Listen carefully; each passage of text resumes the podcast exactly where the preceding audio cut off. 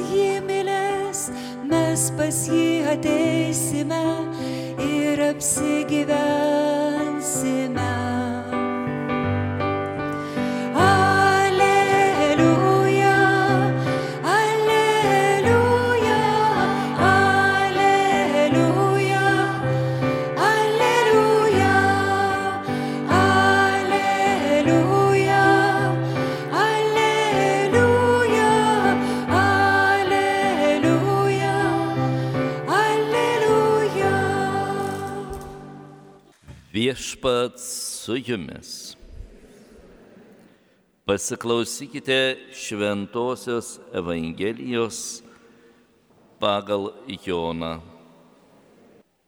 Anu metu Jėzus kalbėjo savo mokiniams, kaip mane tėvas mylėjo, taip ir aš jūs mylėjau. Pasilikite mano meilėje. Jei laikysitės mano įsakymų, pasiliksite mano meilėje, kaip aš kada vykdau savo tėvo įsakymus ir pasilieku jo meilėje.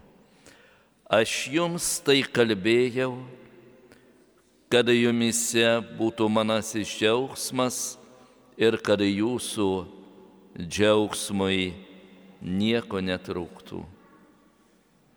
Tai mano įsakymas, kad vienas kitą mylėtumėte, kaip aš jūs mylėjau.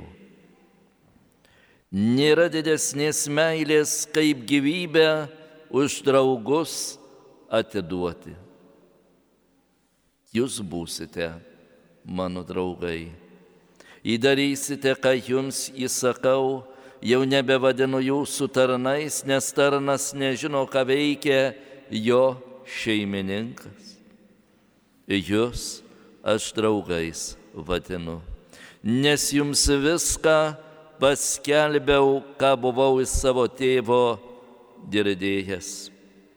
Ne jūs mane įsirinkote, bet aš jūs įsirinkau ir paskyriau, kad eitumėte duotumėte vaisių ir jūsų vaisiai išliktų, kad ko tik prašytumėte tėvą mano vardu, jis visą jums duotų.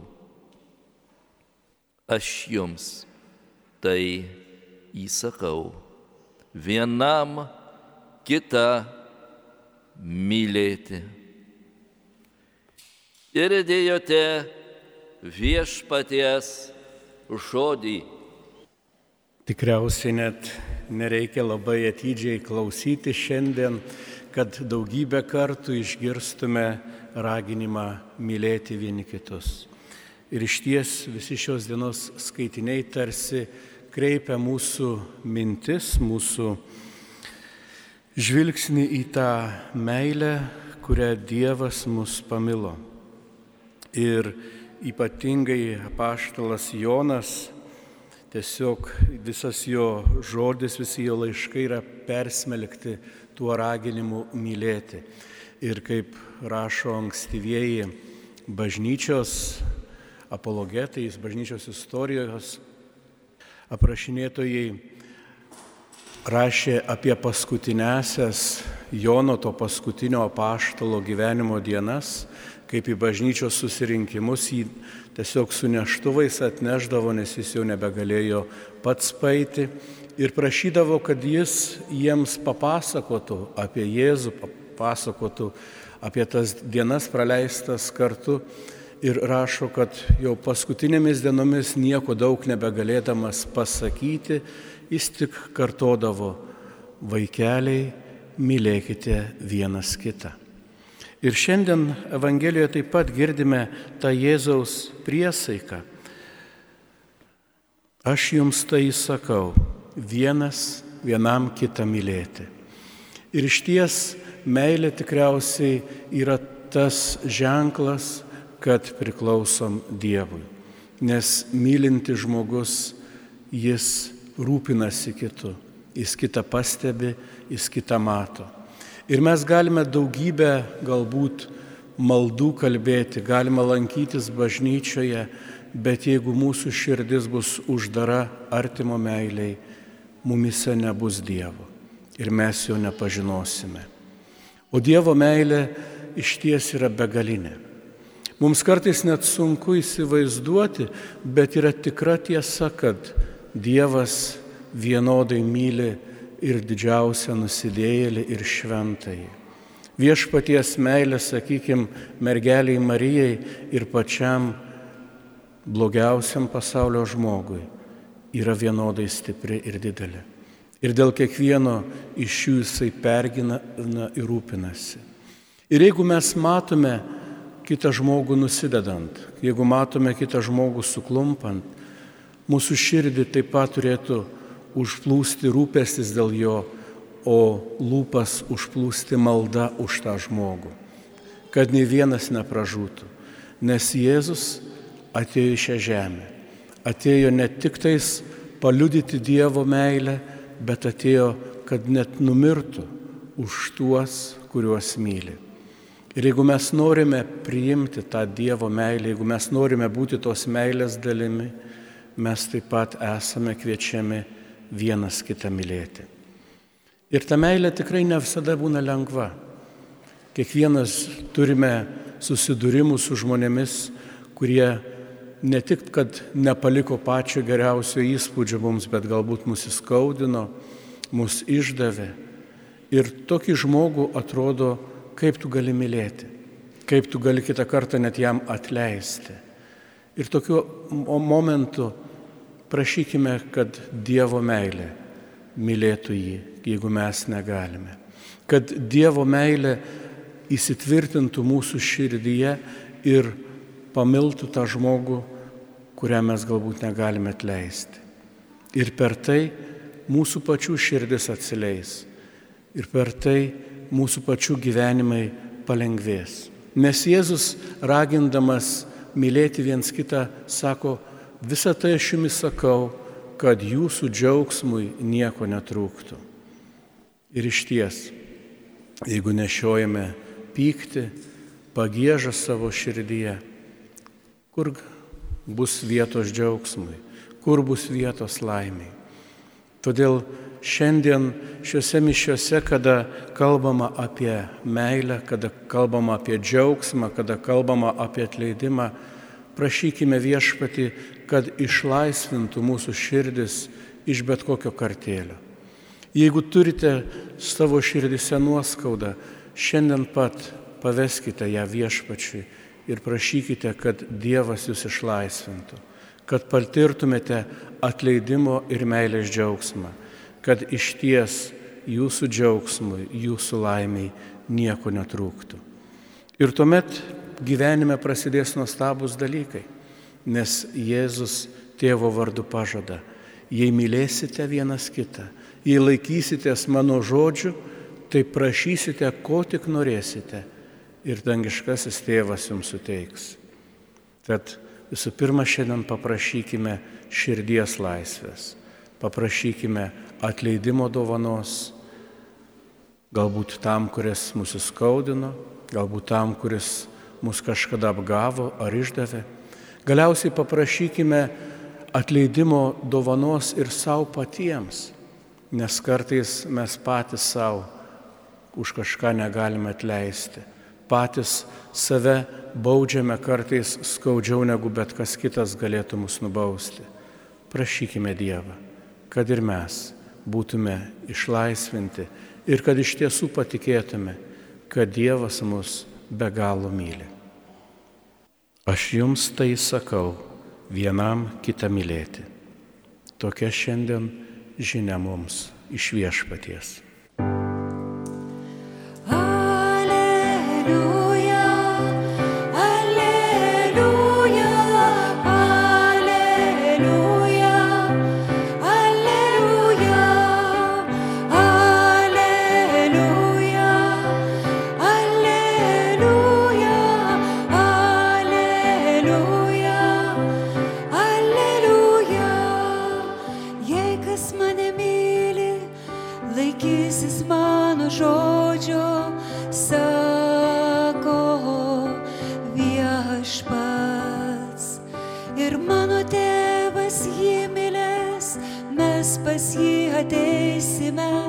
ir apsigyvena.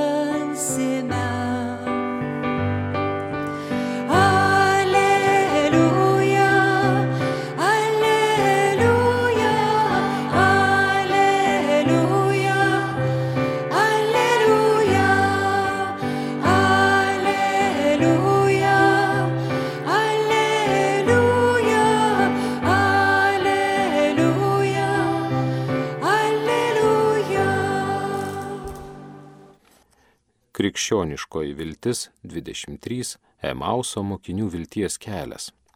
Šiandien norėčiau aptarti dviejų Emauso mokinių patirtį, kurią pasakoja Luko Evangelija. Evangelija pagal Luką 24 skyrius 13-25 eilutės. Įsivaizduokime tą sceną. Keliauja du nusivylę, liūdni vyrai įsitikinę, jog palieka blogai pasibaigusio įvykio karčią patirtį. Prieš Velykas jie buvo pilni užsidėgymo, įsitikinę, jog tos dienos bus lemtingos, patenkins jų lūkesčius visos tautos viltis. Atrodė, kad Jėzus, kuriam jie patikėjo visą savo gyvenimą, galiausiai susigrums lemtingoje kovoje ir parodys savo galybę po ilgo pasirengimo ir slapstimosi laiko. Būtent to jie laukė, tačiau taip neįvyko. Du piligrimai puoselėjo grinai žmogiškas viltis, kurios dabar žlugo. Kalvarijoje pastatytas kryžius iškalbingai žymėjo pralaimėjimą, kurio jie nebuvo matę. Jeigu tas Jėzus iš tikrųjų buvo pagal Dievo širdį, jie turėjo padaryti išvadą, jog Dievas yra beginklis ir bejėgis smurtaujančių žmonių rankose, jis nesugeba pasipriešinti blogiui. Taigi tą sekmadienio rytą tie du vyrai bėga iš Jeruzalės. Per privalomą šabo poilsį jų akise vis dar gyvi Jėzaus kančios ir mirties įvykiai, o širdis tebe kankina mintis apie tai. Velykų šventės, kai turi skambėti išlaisvinimo giesmė, pavirto skausmingiausia jų gyvenimo diena. Jie palieka Jeruzalę ir eina kur kitur į kokį nors ramų kaimą. Jie panašus į žmonės, norinčius atsikratyti, de... norinčius atsikratyti deginančių prisiminimų. Jie yra kelyje ir eina liūdni. Šis kelio scenarijus jau anksčiau buvo labai reikšmingas Evangelijos pasakojimuose, tačiau dabar, prasidedant bažnyčios istorijos pasakojimui, jis tampa dar reikšmingesnis. Jėzaus susitikimas su tais dviem mokiniais atrodo visiškai atsitiktinis.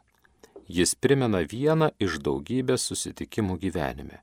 Du mokiniai eina užsigalvoję, o prie jų prisijungia nepažįstamasis. Tai Jėzus. Tačiau jų akis negeba jo atpažinti. Ir štai Jėzus pradeda savo vilties terapiją. Tai, kas vyksta tame kelyje, yra vilties terapija. Kas ją taiko? Jėzus. Pirmiausia, jis klausia ir klausosi. Mūsų Dievas įkyriai nesiveržia. Nors jis žino jų nusivylimos priežastį, tačiau duoda jiems laiko giliai savo viduje ištirti juos užvaldžiusi kartėlį. Iš čia kyla išpažinimas, kuris yra savotiškas žmogiškosios egzistencijos refrenas. O mes tikėjomės, o mes tikėjomės. Kiek liūdėsio, kiek pralaimėjimų, kiek žlugimų yra kiekvieno žmogaus gyvenime. Iš esmės visi esame truputį tokie, kaip anie du mokiniai. Kiek kartų gyvenime turėjome viltį, manėme esą per žingsnį nuo laimės, o paskui pasijusdavome parblokšti ant žemės, nusivylę. Tačiau Jėzus keliauja su visais praradusiais pasitikėjimą žmonėmis, žengiančiais nuleistą galvą. Eidamas su jais, jis diskretiškai geba gražinti jiems viltį.